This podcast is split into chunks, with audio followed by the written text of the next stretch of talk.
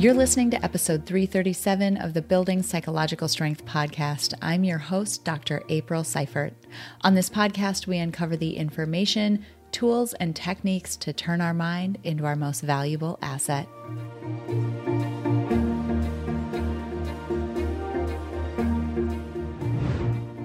Hello, everyone, and welcome back to this episode of the Building Psych Strength podcast. My name is Dr. April, and I'm so thrilled that you're here.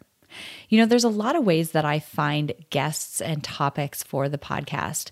Sometimes I hear from those of you in the audience, you ask me to cover a topic, and I am always happy to do that. P.S., you can email us at info at peakmindpsychology.com if you want us to cover a topic. Sometimes I go out on Amazon and I look for books that are being released soon in this genre by authors that I know you guys will want to hear from there's some fun ones coming up, by the way. And sometimes I get approached by the teams who support people doing incredible work in spaces that are very adjacent to what we do. And I know that they would make such a great contribution to the podcast. And that's what happened in the case of this week's guest. This week, we are hearing from Alana Robinson. She is a parenting coach and the CEO of Uncommon Sense Parenting. She's also a registered early childhood educator. She's a mom of two, and she is a military wife. She basically helps people figure out how to be in relationship with their kids, be good parents, all through understanding the neuroscience of child development. It's such a cool area of expertise. So, when her team reached out, I knew that we needed to have her on the podcast because there are a lot of parents in this audience. I myself was really curious to dig into how the way our brains develop ultimately influences the way that kids might behave. And even better than that, I was curious as to how I can be a better support person or better parent to my kids at those different stages depending upon, you know, where they're at developmentally. So, this conversation is all about that topic. We talk a lot about the different areas of the brain and Undoubtedly, we're simplifying things here, but it's really about as complicated as you need to get in order to make a really big impact in a space like parenting with children. We talk about different areas of the brain. We talk about when they become uh, more developed for kids over the course of their lifetime. And we talk about how we should approach the kids differently depending upon sort of which brain they're in. We also talk about how to recognize that. So, Alana does a really great job of giving us essentially the tools we need in order to be more compassionate with our kids when they're doing some of the behaviors that are the most challenging for us to be aware of and manage. She also talks about the very critical role that our own self management plays in our parenting and how successful it will be. You're not going to want to miss this episode if you are a parent or if you regularly interact with kids. This is the episode for you. And not only that, for those of you who are parents of older kids, we also talk about that. You know, lots of times we focus on toddlers or kindergarten age kids, babies, things like that. But I wanted something in here for parents of older kids, the teen parents of teenagers, parents of tweens, how do we use this information to deepen our relationship and also to parent better? So there's a special spot in there for you if you are a parent of older kids. I'm so excited about this week's interview. It is such a deep topic and one that I know will make an incredible impact in your lives. All right, let's get to that interview.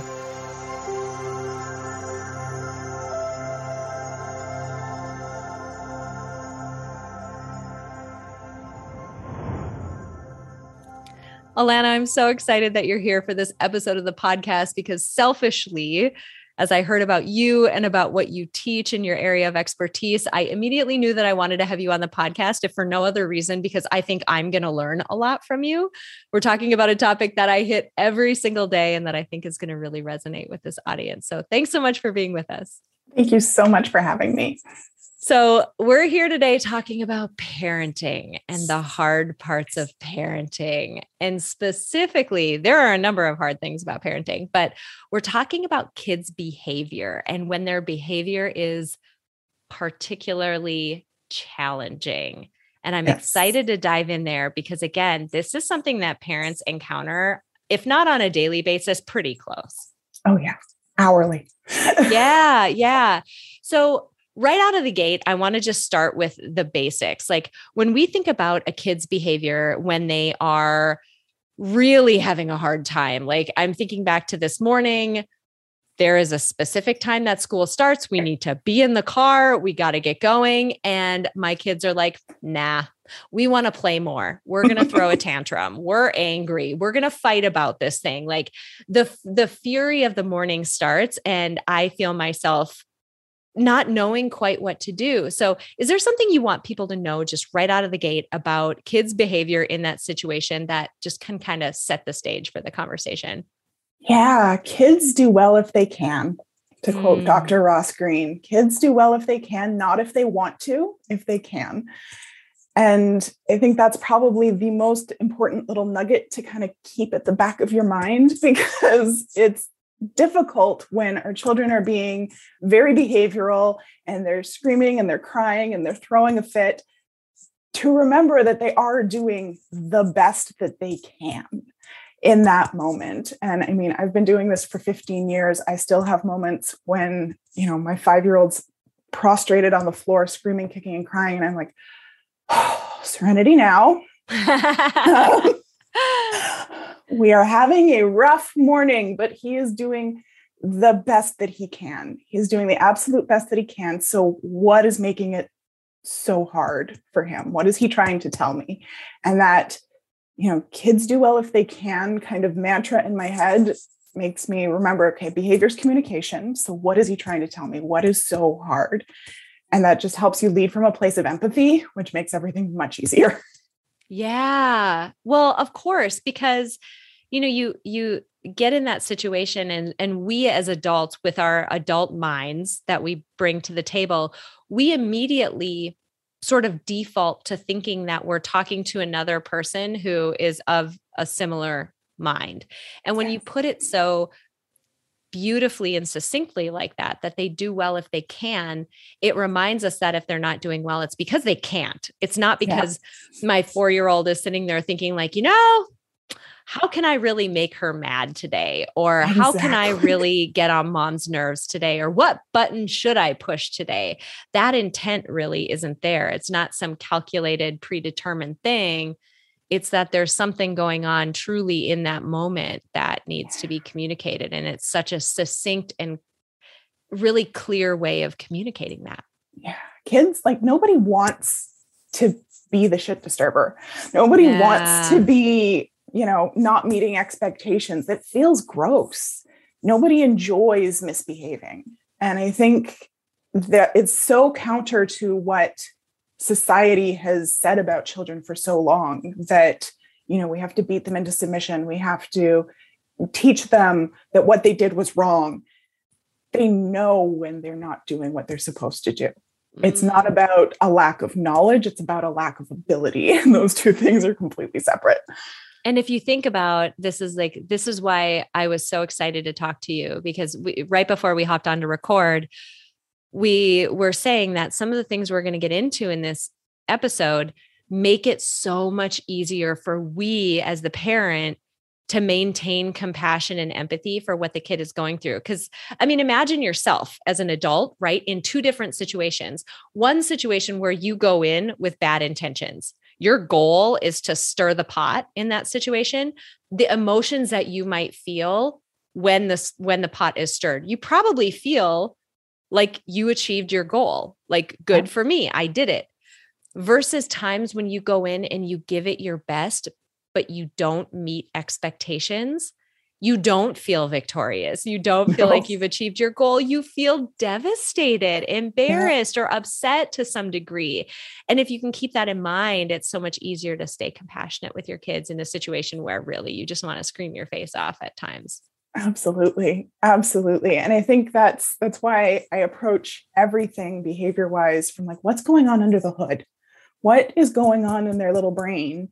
And what does that tell us about the problem that needs to be solved? Yeah. Because once you understand their stage of development and what brain state they're in and the different triggers that were and stressors that were present in the time leading up to that behavior, it makes it so much easier to actually come up with a solution. yeah, let's go there. I love that approach, the sort of brain science, neuroscience approach to thinking about um, what might be really fueling these situations. Can you give us kind of a overview of um, maybe developmentally what's going on with kids at different stages and and what those capabilities are and aren't maybe? Yeah. So like there's the typical like ages and stages stuff, like their their play stages from like completely solo play all the way up to cooperative play. So children around two, three are in that kind of parallel phase. Around three, four, they're moving into associative play. Once they're in like five, six, they're actually like playing games together and they're cooperative play. So that is a big factor there, especially when we're talking about siblings who aren't getting along. Um, mm. Um, mismatch in play states can become a huge issue. I feel like you just blew my mind right now, actually. Keep going, but like selfishly, I'm over here scribbling notes. Yeah. So, um, what I really love to dig into with development, though, is their development of their self regulation. And uh. um, I like to use the triune brain model with my clients because it just makes it really nice and clear. Um, where there's those three sections of our brain, right? We've got our neocortex, what Dr. Stuart Shanker calls the blue brain, that top level that has all of our like civilized people skills in it, our executive functions, our knowledge, our language, all of that stuff that makes us people, human beings that can have this conversation and learn. And then there's our limbic system, our red brain, which is only holds our memories, our emotions, and our security system. Mm. It has no reason. And so that is where a lot of these behaviors happen when we're in our limbic system, when we're red brain dominant. And then below that, we have like our lizard brain, our brown brain, as Dr. Stuart Shanker calls it, um, where it's like literally like a lizard. you know, if a crocodile sees something come across its field of vision, it's going to snap at it. It doesn't care if that's a stick, it doesn't care if it's its own tail it's going to snap at it and it's going to find out. And so that's where that like fight, flight, freeze, fawn, all of those live. And so when we think about like developmentally, when we're born, that neocortex isn't wired up and working. Like it's yeah. there, the, the gray matter is there, but we've got to get our big heads out of a relatively small hole and if it was working, it would get squished and it would get damaged. So Mother Nature and her infinite wisdom was like, well, we're going to put it there, but we're not actually going to turn it on until out we come. Which, when you think of a baby, what do babies do? They communicate with emotions. They cry mm-hmm. or they mm-hmm. laugh. There's very little in between.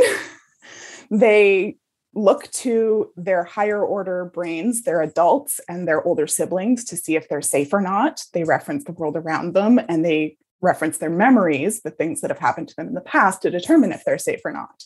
Mm. And they just repeat what has happened over and over and over. they use those very limited memories to inform what to do next. Yeah. And then as we get older, as we get into that, you know, toddler stage, as that blue brain wires up, what Dr. Siegel calls the upstairs brain, um, we start to become more civilized human beings. And that kind of you know, gets better and better until around age three, when about you know most of the wiring is done, but it's still not fully connected. And that that's when you know a lot of doctors will say that's when they start acting like people. Mm. and their personality starts coming out and they start having their own thoughts and their own feelings and their own opinions on things. Good or um, bad. yeah, good or bad. Easy or difficult. Hence, hence the three-nager stage. Oh god my kids both of them huge three-nagers. Terrible twos non-existent. Three-nager yeah. oh yeah. Had two of them oh yeah. Yeah. Oh yeah. Three is three is fun then we get to four and they have this huge burst of limbic system development what I call the limbic leap, where their amygdala literally triples in volume within that year. And so they're hypersensitive and hyper aware of danger during that time. And that's why, like, everybody's like, oh, they're four, they should know what's going on by now. And then they start becoming hugely emotional and irrational. And everybody's like, what's going on? Well, their security system is on high alert. and mm. especially for the last two years, where we've had these four year olds who are going through that particular stage of development during a time where there's this ever present danger that everybody is hyper vigilant for, they're having a rough go of it. oh, I'm like writing things down here. this is a big deal. That was my youngest child. She, um, yeah, she's three and a half right now. So I reference her being four, but you know, she's three and a half yeah. coming up on four right now. Yeah, right at that stage. turned four in June of 2020. So we got it like a Mack truck. yeah. It hit and it has stuck because he hasn't had that those typical exposures and those typical experiences that would typically teach them what danger is and what danger isn't and therefore you know by the time they hit five, they start to chill out a little bit. But it tends, seems to be sticking around a little bit longer for these kids because everybody is so hyper alert for this unseen danger. And there's nothing that they can like put a pin in and be like, this thing is the danger. Right. There's, it's just everywhere, which wow isn't great for the amygdala. So yeah, this makes so much sense. So when we think about like that kind of the stages of development in terms of the limbic system, and um, the other thing to know is that we need our limbic system. Our limbic system, as I said, it comes out ready to go, wired up and working. And that's what controls like our automatic body functions, it, what keeps us safe. The blue brain, that neocortex, all of that stuff is nice, but it's not keeping us alive. Mm. And hmm. so when we're low on energy, our brain monitors our glucose levels and a bunch of other factors. And when we get low on energy, our brain goes, if we get attacked right now, there is no hope in hell of us staying safe. So we're going to just unplug Mr. Upstairs and we're going to take all of our energy and we're going to put it to our limbic system so that if something attacks us, we have the energy to run away, fight, whatever it is we need to do to keep ourselves safe. Which means when your child is freaking out, they literally cannot think they cannot reason they cannot tell you what's going on the you know phrase use your words. Nothing grates on my nerves more than that term. People are seeing these like freaking out kids are like use your words. They, they can't they don't have access because that part of their brain is literally not getting blood or oxygen right now. Can i give a crazy like uh, uh like example? I'm going to use two words that probably strike fear in the heart of most parents and those words are witching hour. So yes. if you think about, you know, what you just said, that was what first jumped to my mind because you're talking about when you're kind of taxed, you're yeah. tired, you you kind of have been through the ringer during the day. Witching hour for most kids happens in like the early evening, late afternoon sort of time when they're tired. And then that little bit of like blue brain that they have shuts off and they just go crazy, usually not in a good way, like crying no. and tantrums, and they just can't. Like they they're over done. themselves they're at that at point. the end of their rope, and they've got nothing left to give. And no matter how much you cajole or coerce them, they've got nothing else to give you. Ah. Uh, I'm like want to go back and give myself such a hug, especially a few years ago. Um, right. I just want to hug that woman and be like, "It's going to be okay. You're doing yeah. good."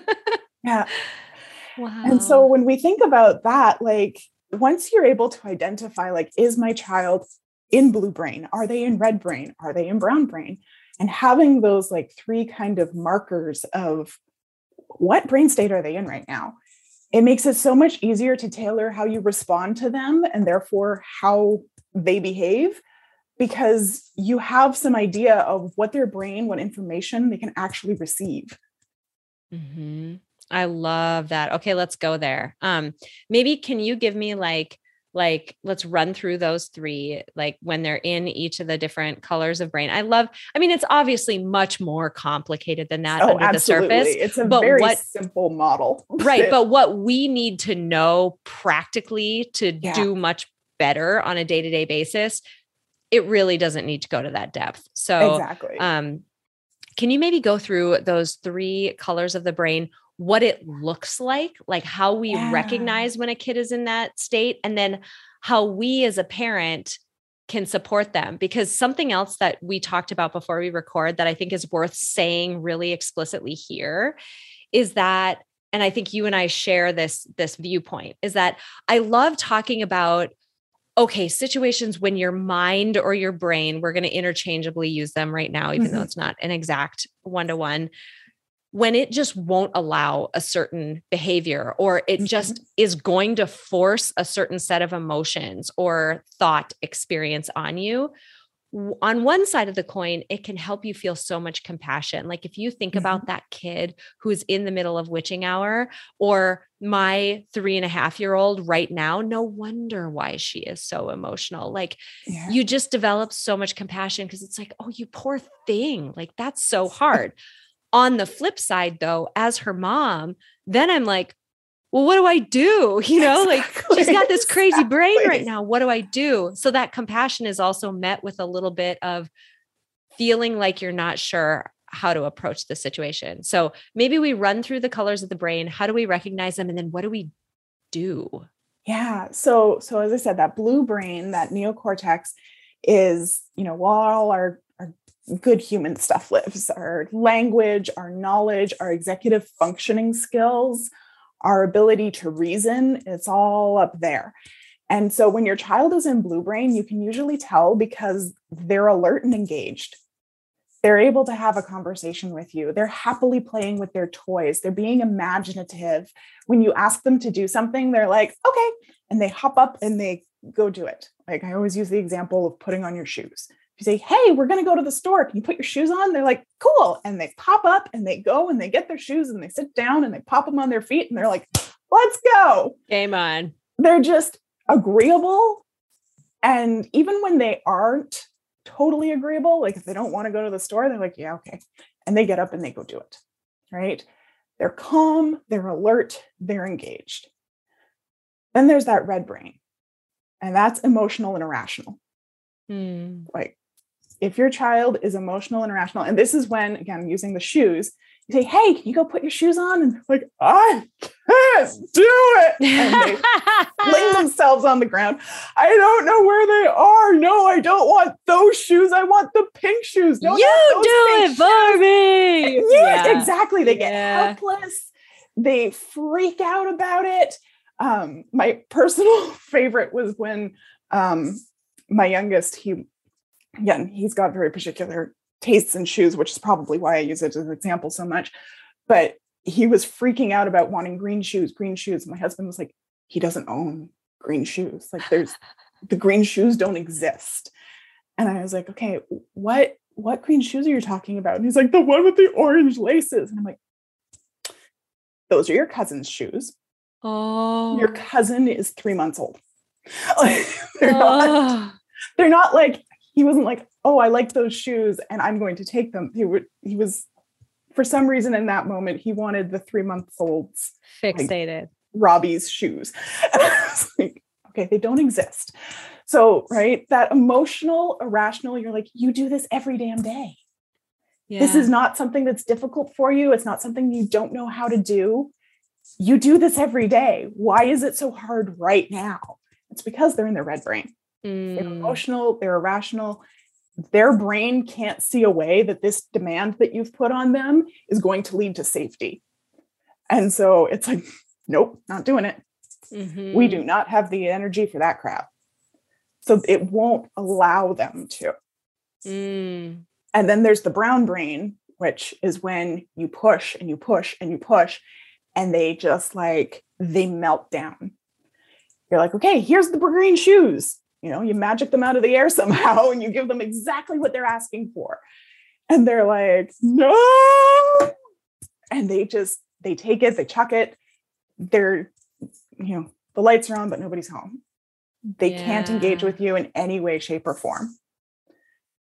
Yeah i can like picture my kids faces in each of those exactly. like, scenarios. I mean in in a very in various you know, times, requests, scenarios, like eh, you can literally picture your kids' faces. Exactly. So when they're in brown brain, there's really nothing we can do to help them out of that other than make them feel safe. Mm. You know, make sure there aren't any demands on them. Wait it out. Give them physical safety so that nobody's like getting in their space or taking control of their body is a big one for little kids where adults will like start like using hand over hand or they'll pick them up and move them somewhere and it just escalates the situation.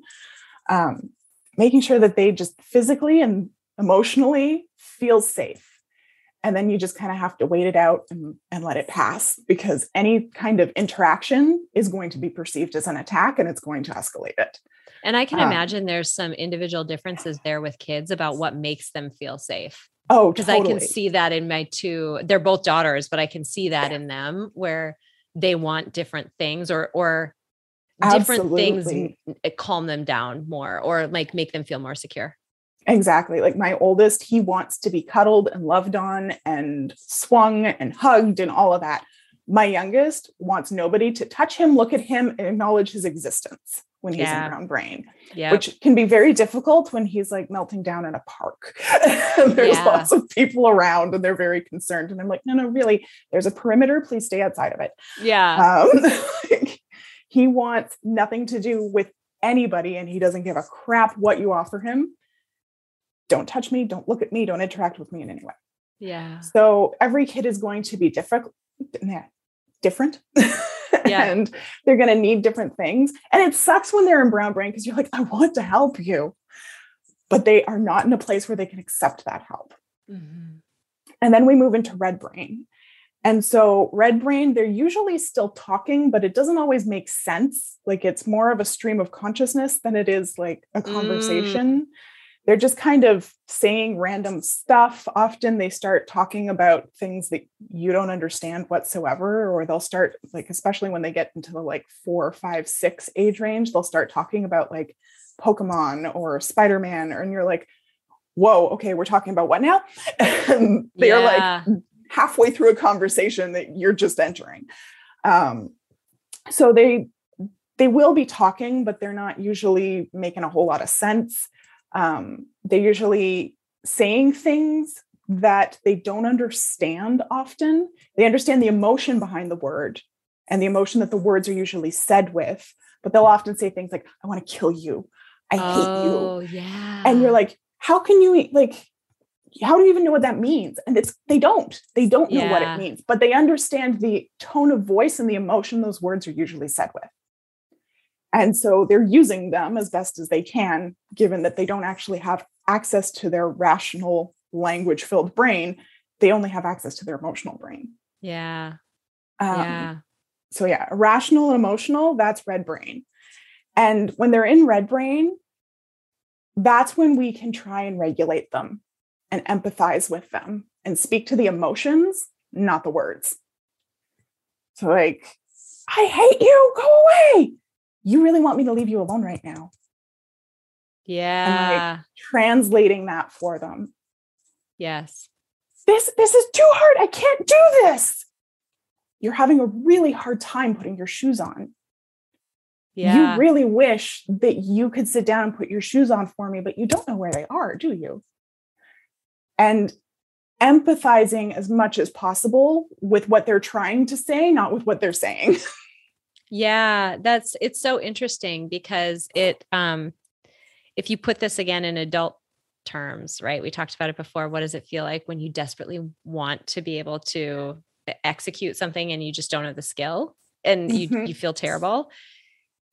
When you're trying like when you're having a hard time with something, if your best friend can come in and just mirror so perfectly back to you how you're feeling and what's happening, you feel so seen.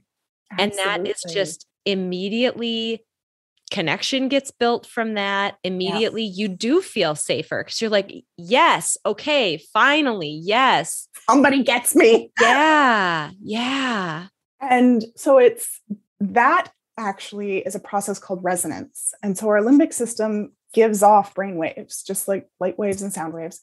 our limbic system gives off brain waves and the people around us their limbic systems receive those brain waves and that's why you can like walk into a room full of people and you instantly know who the shit disturber is and who's in charge and who's really uncomfortable and who's like yeah i got this because you're receiving all of their resonance and just like a bluetooth hookup dr Shanker always explains it like a bluetooth hookup the resonance that you're more familiar with you'll hook up with faster Oh, easier for you. So just like you get in your car and your phone automatically connects to the radio, but if you get in an Uber, it's not going to do that. Um, it still can. The possibility is still there. It's just not as easy. And so our kids will very quickly sync up with our resonance because we're their mother, we're their parent. They have lots of practice with it. And they've had practice with it, especially with biological mothers, because they've been our resonance is the first resonance they knew. Yeah. And then, and like, that's why your best friend comes in and she's able to pick up what you're putting down really quickly because y'all have a lot of experience syncing up with each other. Mm-hmm. And so, this is why, like, when we're in red brain, our children are almost guaranteed to go into red brain. Yeah. If we're dysregulated, our children are going to be dysregulated because their brain is looking to us for, Am I safe? Mm-hmm. And if we're dysregulated, it's not telepathy. They can't understand our thoughts. Right. they just have our feelings. Yeah. So if we're not feeling safe, if we're feeling drained, if we're feeling dysregulated, their brain is going to go, Mom's dysregulated. That means I'm not safe. Where's the danger? That's so interesting. So there's a big component here of making sure that we put our own oxygen mask on first and we calm ourselves down first. I was lit that is exactly it because we yeah. we hear here's what I hear most often, and you probably hear a similar situation from your clients where, um, and and two, this is where my my mind, this is what plays out in my mind more often.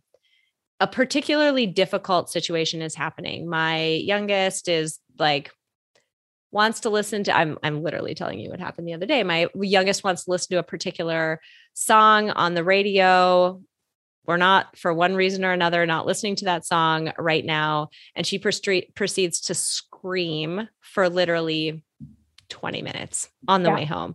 And 20 minutes doesn't sound like a long time until someone has screamed at you for literally 20 minutes. 20 minutes. It's a really long yep. time. and your mind interprets someone screaming at you for 20 minutes as like a kind of stressful thing. So you end up stressed out and you can feel yourself not reacting in the way that you want to. So, what typically yeah. happens is I think back and I think, God, I didn't handle that well. You should be better at this. You should be stronger mm-hmm. at this. Mm-hmm. You need to do better than that. Blah, blah, blah. I don't think for a minute you should have taken better care of yourself. You should have allowed yourself to calm down before doing anything else. Exactly. Exactly. And so, this is where understanding what's going on under the hood makes such a difference because if we're dysregulated and like I will cop to it, I'm a hitter. If somebody makes me feel unsafe, my instinct is to smack it. Mm. Unfortunately, that would usually result in a felony. So I have a punching bag in the basement. And if I'm feeling attacked, if my children's behavior is making me feel dysregulated, I will say, okay, mommy needs 10 minutes. I'm going to go punch my punching bag. And I go downstairs and I kick the shit out of my punching bag. Wow. Because if I don't take care of my needs, then I can't take care of theirs. And if I'm not feeling calm, and this is like, as mothers, we're always like, the kids come first. If they could just calm down, then I'll go calm myself down. and it's just completely backwards from what actually works, right? Yeah. We have to calm down first. And if we can't, then we need to actually like hit that pause button and be like, I am actually going to go and calm down. And to your point about resonance, actually calm down, not exactly fake calm down. Exactly. That's why like Ooh. they're like, "Oh, my voice was even. I was, you know, I looked calm." You can't fake resonance. It is mm. telling what is actually going on. So if you're like fake like Stepford wife calm, your kid knows that. They know that you're not actually calm and that you're wow. like one step away from losing your mind. And again, it's not telepathy. They don't understand that they're the danger you're reacting to. yeah. They just know that you don't feel safe and therefore I'm not safe. That is so good. So, t- making sure that one, we figure out what calms us down and not fighting it. Like, as I said, I'm a hitter and I could very easily be like, well, hitting is un- unacceptable. And therefore, I'm going to try everything else under the sun to calm myself down. Fortunately, that would probably not work because my instinct is still going to be to smack the thing that is attacking me.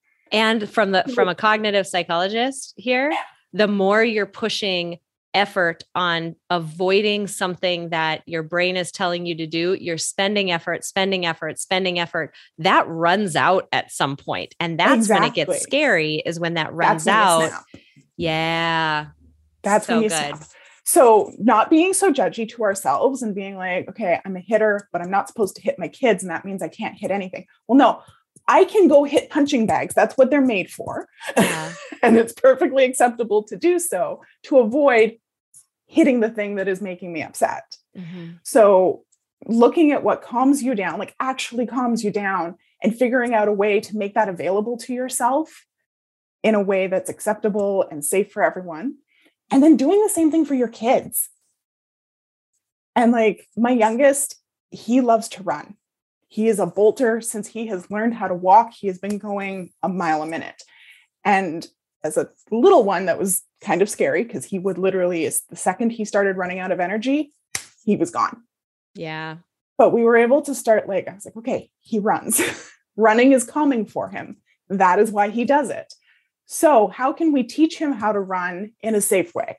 How can I, you know, and I did it. I had him on a leash for a while. that, was, that, was, that, was, how I could keep him safe. We all say but we're not going to do it. And then he could run. And that way he was able to take off when he needed to. And I could then just keep up with him mm-hmm. instead of losing him and being scared that he was going to like run into traffic. You know, we started with him running around our backyard. We're very fortunate that we have a half acre lot and so he was able to learn running around our fence was his first lap then we started with him running around the house now he goes for 5ks with his dad every morning and mm. every evening and so he's got a gps he's got his little high visibility vest and um, he's learning right now what his route is with his dad so that when he gets a little bit older we'll be able to say yeah sure go for a run and you don't need any accompaniment yeah. so finding those things you know if you have a thrower and you've got a kid whose first instinct when he freaks out is to start chucking toys. Okay, well, maybe he can't chuck all the toys. What can he throw? Where can he throw it? Can we find a space in the house, usually an unfinished basement, where it's safe for them to throw something at the wall? What could they throw? Bean bags, those soft ball pit balls. Like, what can we give this kid to fulfill his sensory needs? Yeah. So that's when I try and get kids into a break. I try and pull them into like, okay, you you don't look like you're feeling very well right now. Let's go take a break and calm down. And it doesn't have to be long, you know, five ten minutes max. And then we're going to come back to the thing that we needed to do. Yeah. That's so, so they're not good. getting away with anything because that seems to be like the biggest thing people are like well i can't just let them get away with it you're not letting them get away with it you're hitting the pause button you're taking care of their needs and then you're coming back to it mm-hmm. they still have to put their shoes on they still have to go to school they still have to do all the things that you needed them to do only now they're actually going to do it because they're calm enough to follow through mm-hmm. i love that what are your tips for older kids like as they get older and um because I go there because you know with with a younger kid they're call them like errors or mistakes or whatever like these yeah. things that we've been talking about they're frequent they happen day to day but my kid throwing a tantrum in target yeah they're not going to kill someone else because they got in their car and they made uh you know bad decision or you know like the older we get the more the ripple effect of our behavior is wider and it's just more volatile so mm-hmm. do you have mm-hmm. thoughts for older kids like a guest or audience members who are um, yeah. parenting teenagers or or preteens in that age it's the same basic concept, right? We need to find out what calms them down and how to make that available to them proactively if possible.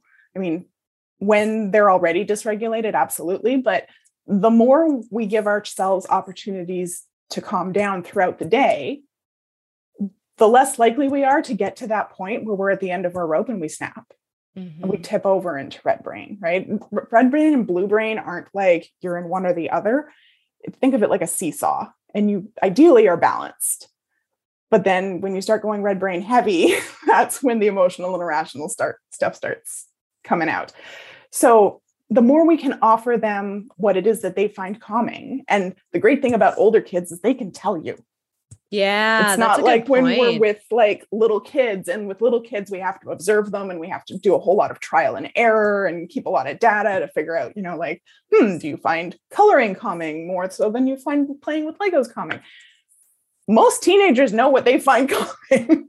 Yeah. they, they don't always feel safe to tell you because again they're putting some judgment on themselves about what that actually looks like but i've worked with a lot of teens where i'm like so what do you want to do when you feel mad and they're like Ah, and they immediately good. clam up. And i'm like no no no it's it's okay. You can tell me what you want to do. I'm not asking what you know is acceptable to do.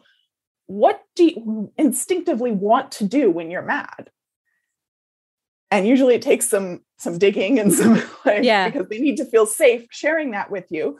But most of them will be like i want to throw things. I want to hit someone. I want to scream and cry i want to you know run away. They know what it is. Yeah. they just don't necessarily feel safe telling you what it is. Yeah. so um coming from that place of either what do you feel like you want to do when you're upset? Because obviously our body and our brain wants to do those things because it's because it's calming to our nervous system. Or what do you enjoy doing the most? What puts you into that state of flow where you're like i could do this forever and you know you start doing it and then you suddenly look up and it's like 10 p.m You're Mm, like, that's a good "Crap, Where tip. did the day go? Right? Because that state of flow is a state of regulation. So, and then how can we schedule that into your day more frequently? So, like Mhm. using my oldest, who is also a runner, he, when he was in junior kindergarten, and I know we're talking about older kids, but I swear this connects. Um, Alexa, be quiet. Sorry, I've got reminders because I have to remember.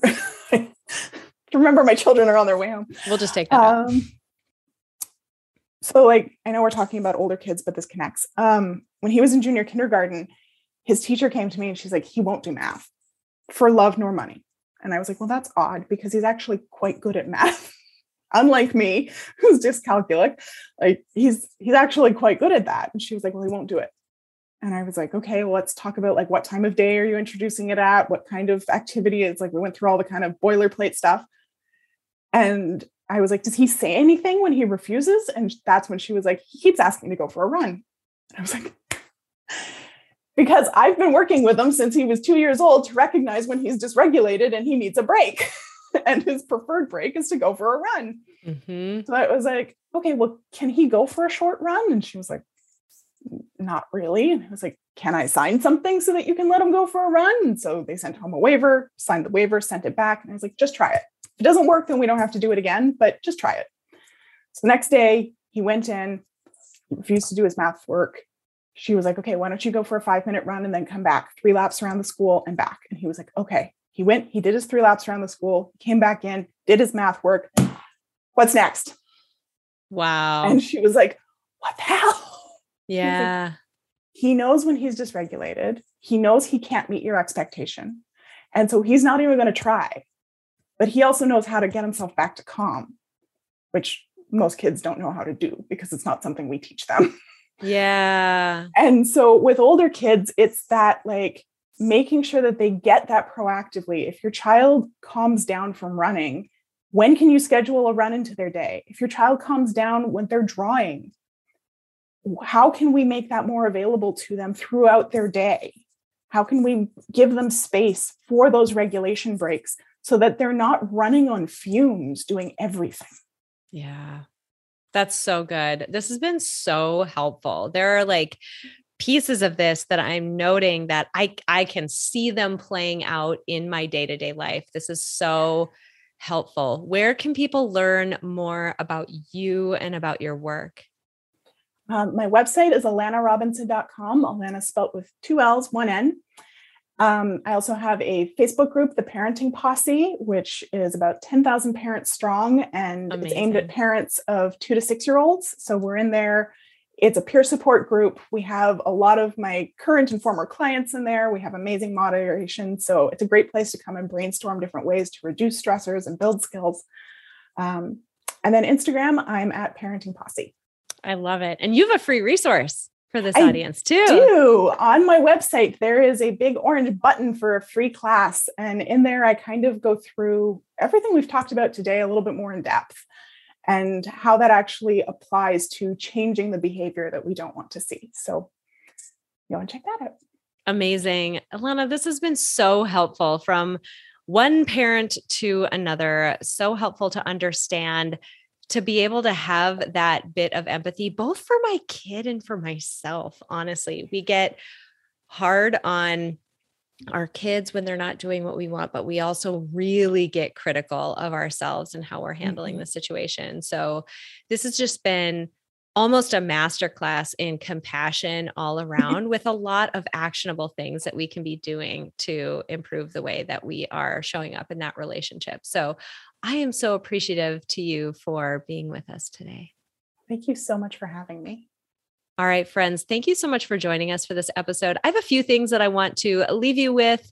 So stick around for just a moment, and I'll be back with a few extra supplemental resources for you if you want to go a bit deeper.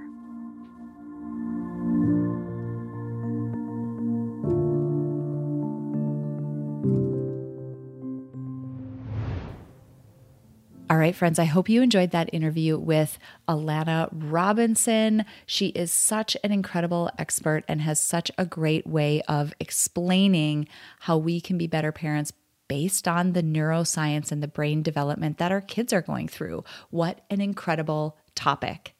If you're interested in this and you want to branch out a little bit more, I have a few things for you that I want you to know about.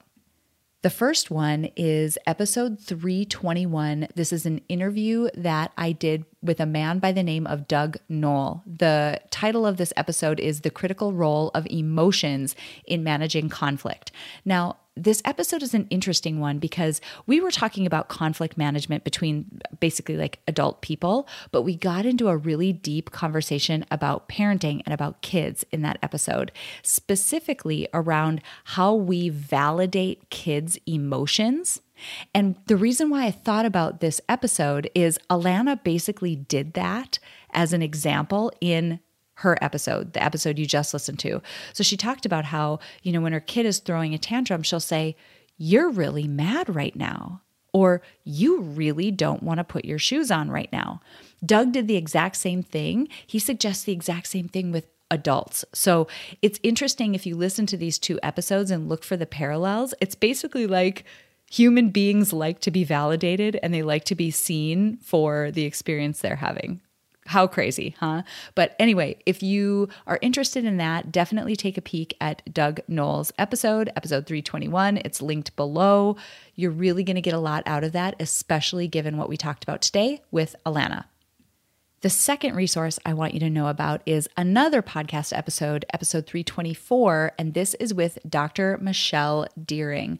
Dr. Michelle is she basically helps us figure out how to cultivate a better relationship with our daughters. She really focuses on the mother daughter relationship, but man, there's a lot in there about parenting in general. So if you're finding yourself in a stage of life where you're really focusing on parenting or you're needing some resources, that's another episode that you can go to in order to get some good information. Dr. Deering is a psychologist herself. She incredible. And she just has this amazing way of, I don't know, she just feels like a hug when you talk to her. She's just lovely. So if you're in that situation where you need, you know, some compassionate but still hard hitting information, Dr. Deering's episode is amazing. That is episode 324. And the last resource is the free class that Alana is offering to this audience. The class is called How to Raise Well Behaved Kids Without Yelling, Shaming, or Timeouts. I'm so curious about this.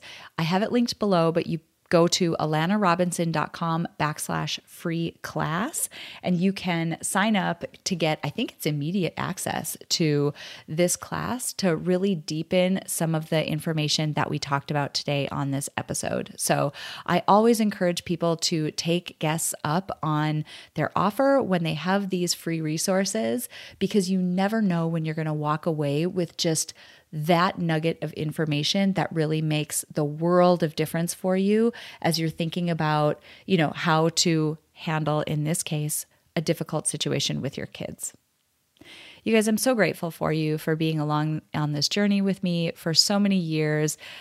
If you are tuning in for the first time, welcome. I'm so thrilled you're here. And this is just the highlight of my week to be able, be able to put these episodes out there and know that some of you might be benefiting from what we're doing. So, thank you so much for being here. Truly, it means the world for you to tune in each week and take a little bit of time to focus on yourself and to improve your life experience because that's really what it's all about. And that's why we're here.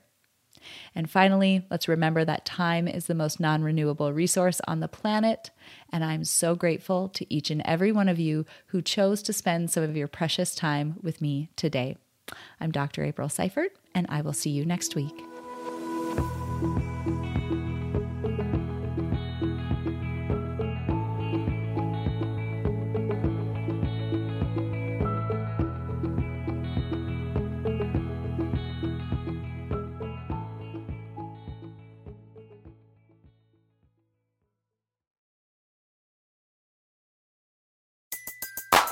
Everybody in your crew identifies as either Big Mac Burger, McNuggets, or McCrispy Sandwich.